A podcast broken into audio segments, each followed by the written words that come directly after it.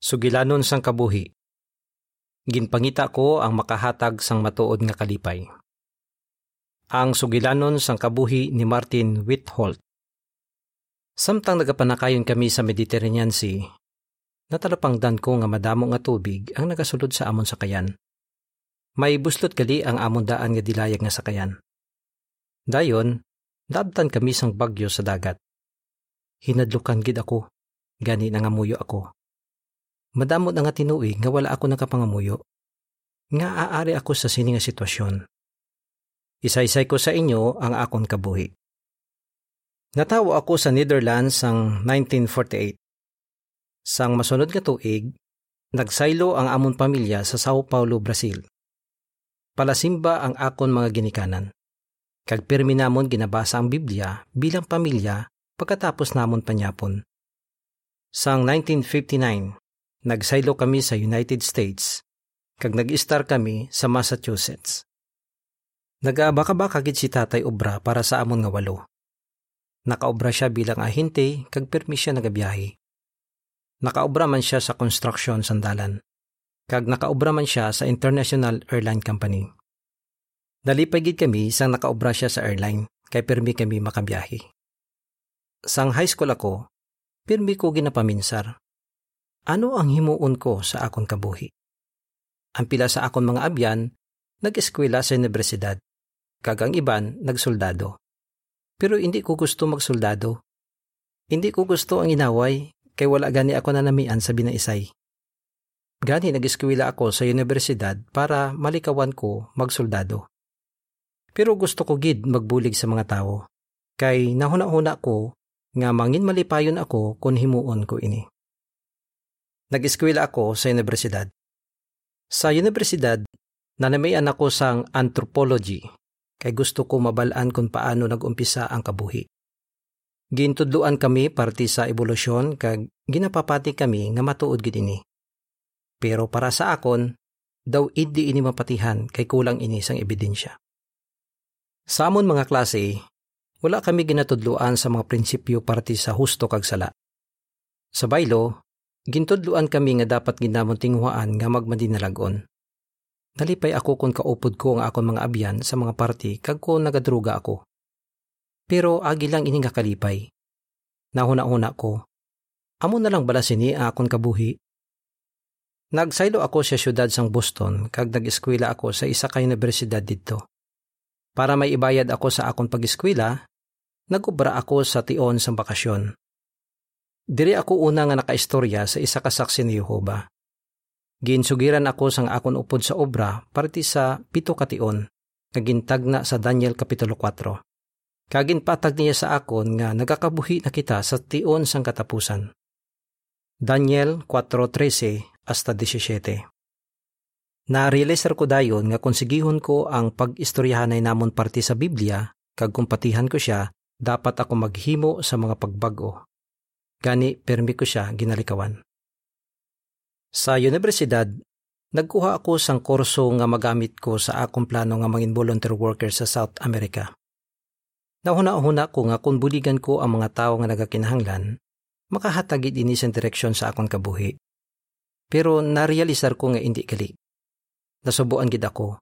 Gani gintapos ko lang ang semester kag naguntat ako sa pag-eskwela sa universidad. Nagkadto ako sa malayo nga mga pungsod. Sang Mayo 1970, nagsaylo ako sa Amsterdam sa Netherlands para mag-obra sa airline nga ginobrahan man ni tatay. Bakod sang akon obra, nakadtuan ko ang mga pungsod sa Africa, sa Asia, sa Europe, kag sa North kag South America. Narealisar ko nga palariho ang mga problema sa mga pungsod nga nakadtuan ko. Kag daw wala si makasolbar sini.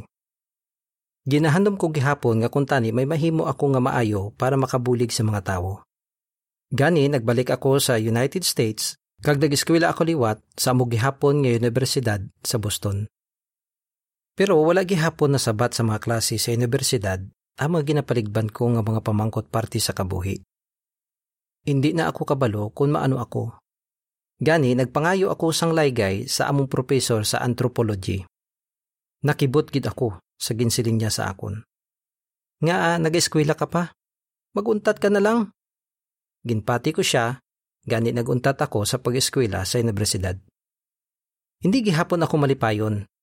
Gani nag-intra ako sa grupo nga daw gusto ang pagidait kag nagapakita sang gugma. Ginlibot namon ang United States kag nakalabot kami sa Acapulco, Mexico. Nagaistar kami upod sa mga hippie nga nagapagusto sa ila kabuhi kag daw wala sing problema. Pero natalopangdan ko nga wala sing direksyon ang ila kabuhi kag agi lang ang ila kalipay. Madamo sa ila ang hindi honest kag hindi may nunungon. Nagbiyahe ako paagi sa dilayag nga sakayan. Sa sinimang nga tion, daw gusto ko himuon ang ginahandom ko sang bata pa ako. Gusto ko libuton ng kalibutan paagi sa sakayan. Pero gusto ko nga ako gid ang kapitan. Hindi nga isa lang ka marinero. Mahimo ko lang ini kung may ara ako dilayag nga sakayan. Amo man ini ang gusto himuon sang akon abyan nga si Tom. Gani nagdesisyon kami nga libuton ang kalibutan nga magkaupod. Gusto ko makakita sa matahong nga isla. Kag gusto ko nga wala si mga kasuguan nga dapat sundon. Nagkadto kami ni Tom sa Arinis de Mar, malapit sa Barcelona, Spain. Nagbakal kami dito sang dilayag nga sakayan. Ligra ang ngalan sini nga mga siyam ka metro ang kadakuon. Dayon ginkayo namon ini. Bangod wala man kami nakadali nga makalabot sa amon kaladtuan, ginukas namon ang makina sini. Ginbutangan namon sa tubig nga ilimnon ang ginaplastaran anay sa makina. Para makontrol ang sakayan sa gagmay nga mga pantalan, ginbutangan namon ini sa duha ka bugsay nga mga lima ka ang kalabaon. Sang ulihi, nagpanakayon kami para magkadto sa Seychelles sa Indian Ocean. Plano namon nga mga lihid sa katundan sang Africa kag maglabay sa Cape of Good Hope, South Africa. Paagi sa mga bituon, mga mapa, mga libro, kag sextant nga isa ka simpleng instrumento, mabalaan namon ang amon ruta. Nagdayaw gid ako kay mabalaan gid namon kun diin kami dapit. Pero wala magdugay, narilisar namon nga hindi na masarangan sining daan nga sakayan nga human sa kahoy ang pagpanakayon. Kada oras mga 22 ka litros ang tubig ang nagasulod sa sakayan. Ginsampit ko sa umpisa nga hinadlokan gid ako sa nagbagyo. Gani nangamuyo ako. Amo ini ang una ko nga pangamuyo pagkatapos ang madamo nga tinuig. Nagpromesa ako sa Dios nga kung makaluwas kami, tingwaan ko gid nga makilala siya. Naguntat ang bagyo, kagintuman ko ang akong promesa. Ginumpisan ko ang pagbasa sa Biblia samtang ara kami sa lawod. Imagine ako ano ka nami nga nagapungko ka sa isa kasakayan sa tunga sang Mediterranean Sea Dagat lang ang makita mo sa palibot kag ang sari-sari nga mga isda kag dolphin. Kung gabi, nanamian gid ako magtan-aw sa madamo nga bituon. Bangod sini, nangin kumbinsido pa gid ako nga may ara gid sang Dios nga nagaulikid sa mga tao. Pagligad sang pila ka semana sa lawod, nagtungka kami sa pantalan sa Alicante, Spain. Ginbaligya namon didto ang amon sakayan para makabakal kami sang mas maayo nga sakayan. Wala sing interesado nga magbakal sang amon sa kayan. Hindi ini katingalahan kay daan na ini. Wala ini sing makina kag may buslot pa. Pero bangod sini, padamo ako sintion para basahon ang akon Biblia. Narealisar ko sa akon pagbasa sang Biblia nga makabulig ini nga libro para mangin malipayon kita. Nagdayaw gid ako Kay maathaga ginasiling sang Biblia ang parte sa pagkabuhi sing matinlo kag pagsunod sa mga prinsipyo parte sa husto kag sala. Nagapalibog ako kung nga madamo nga tawo ang nagakabig sa ila kaugalingon nga Kristiyano. Pero ginabaliwala man nila ang ginasiling sang Biblia. Lakip na ako.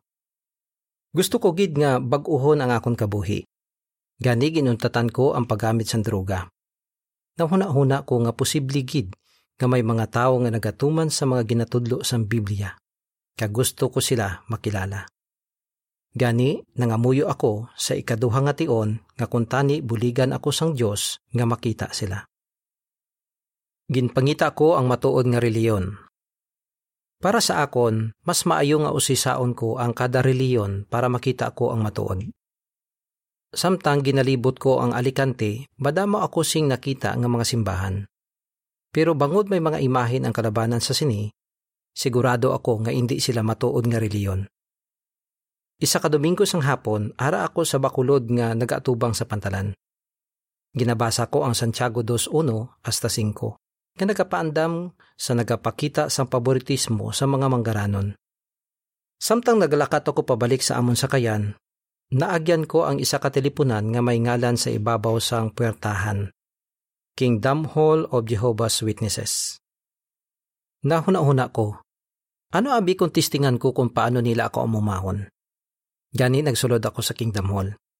Nagatini lang ako, may burangos ako, kagisiyon ng akon maong. Ginpapong ko ako sang atendan sa tupad sa tigulang nga babayi. Ginbuligan ako sini nga tigulang nga makita ang mga teksto nga ginasambit sang speaker. Pagkatapos ng meeting, madamo ang nagpalapit sa akon para pangilalahon ako. Nagdayaw gid ako sa ila kaayo. Ginaagda ako sang isa ka lalaki sa ila balay para istoryahan ang parte sa Biblia.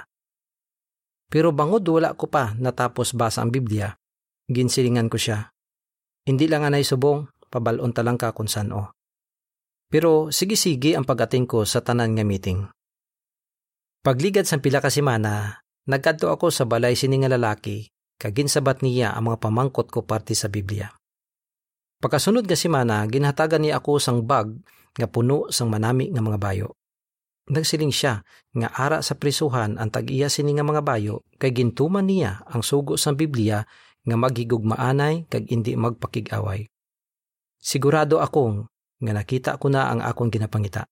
Ang mga tawo nga nagatuman sa ginasiling sa Biblia parte sa matinlo nga pagkabuhi kag nakasunod sa mga prinsipyo parte sa husto kag sala. Wala ako na ginahandom nga pangitao ng matahom nga isla, kundi gusto ko na nga tunan ang Biblia para mahangpan ko gid ini. Gani, nagbalik ako sa Netherlands. Nangita ako sang obra. Apat ka adlaw ako nga nagbiyahe para makalabot sa syudad sang Groningen sa Netherlands. Kinahanglan ko mangita sang obra didto para masuportahan ang akon kaugalingon. Nag-apply ako sa isa ka carpenter shop. Ginhatagan ako sang papel nga may mga pamangkot. May isa ka pamangkot kung ano ang akon reliyon. Saksi ni Jehovah ang ginsulat ko. Sang nabasa ini sang tag-iya sang shop, natalupangdan ko nga daw hindi maayo ang iya reaksyon. Nagsiling siya, tawagan talang ka, pero wala gid siya nagtawag. Sa isa pa ka carpenter shop, ginpamangkot ko ang tag-iya kung kinahanglan niya ang trabador. Ginpangitaan niya ako sang diploma kag mga dokumento nga nagapamatuod sang nangin obra ko sang una. Nagsiling ako nga may eksperyensya ako sa pagkayo sang dilayag nga sakayan nga human sa kahoy. Nakibot kid ako sa iyagin siling. Pwede ka na makasugod sining hapon. Pero may isa lang ako kakondisyon. Isa ako kasaksi ni Jehovah kag ginatuman ko ang mga prinsipyo sa Biblia. Gani, hindi ko gusto nga may malain ka nga himuon sa akon nga shop. Daw hindi ako makapati, gani nagsabat ako. Saksi man ako. Pero malaba ang akon buhok kag may burangos ako. Gani nagsiling siya. Gali, ti, ako ang ma-Bible study sa imo. Nalipay ako, gani nagpasugot ako. Nahangpan ko na kung nga wala ako gintawgan sa tag-iya sang unang shop. Ginsabat gali ni Jehovah ang akon mga pangamuyo. Nagobra ako sa shop sang brother sa sulod sang isa katuig. Sa sinang ation, gin Bible study niya ako. Sang Enero 1974, nabotismuhan ako. Nakita ko gidman ang makahatag sang matuod nga kalipay. Pagligad sang isa ka bulan, nagpayunir ako kag nalipay gid ako sa sini. Pagkasunod nga bulan, nagsaylo ako sa Amsterdam para magbulig sa bago nga Spanish language group. Nalipay gid ako mag-Bible study sa mga tao nga nagahambal sang Spanish kag Portuguese. Sang Mayo 1975, gina-assign ako bilang special pioneer. Isa ka adlaw, Nag-attend sa amon meeting sa Spanish ang isa ka sister nga special pioneer nga si Iniki. Nag-attend siya kay gusto niya ipakilala ang iya Bible study nga taga Bolivia. Nagsulatay kami ni Iniki para makilala namon ang isa kag isa. Na-realizer namon nga pariho ang mga gusto namon himuon sa pagalagad kay Jehova. Nagpakasal kami sa 1976 kag padayon kami nga nag-alagad bilang mga special pioneer hasta sang 1982 sang ginagda kami nga mag-eskwela sa ika-73 nga klase sang Gilead. Wala gid namon ginpaabot nga i-assign kami sa East Africa. pero nalipay man kami. Nagalagad kami sa Mombasa, Kenya, sing lima katuig. Sang 1987, sang wala na ginadumilian ang atong pagbantala sa Tanzania, ginasign kami didto. Nagalagad kami didto sing 26 katuig kag dayon nagbalik kami sa Kenya. Ang pagtudlo sang kamatuoran sa Biblia sa mapainubuson nga mga tao amo ang naghatag sa amon sang matuod nga kalipay. Halimbawa, ang una kong Bible study sa Mombasa amo ang isa ka lalaki nga napanaksihan ko. Ginhatagan ko siya sa ang duha ka magasin, dayon nagsiling siya. Kung matapos ko inibasa, ano dayon ang himuon ko? Pagkasunod nga simana, nagsugod kami sa pag-Bible study kag gingamit namon ang libro nga Mahimo ka mabuhi sing dayon sa paraiso sa duta. Bago lang matranslate ini nga libro sa Swahili. Pagligad sang isa katuig, nabautismuhan siya kag nangin regular pioneer siya sang ulihi. Sugod sadto, halos isa kagatos na katawo ang nabuligan niya kag sang iya asawa nga magdidikar kag magpabautismo. Sang nahangpan ko kun nga agin tugas ang Dios ang mga tao. Pamatyag ko daw pariho ako sa nagalakbay nga negosyante nga nakakita sang malahalon nga perlas kagin pabaluran gid niya ini. Gusto ko gamiton ang akon bilog nga kabuhi sa pagbulig sa iban nga mabalaan man ang kamatuoran. Na-eksperyensya namon sang akon pinalangga nga asawa nga ginabuligan ni Jehova ang iya katawhan nga mangin malipayon sa ila kabuhi. Diri natapos ang artikulo.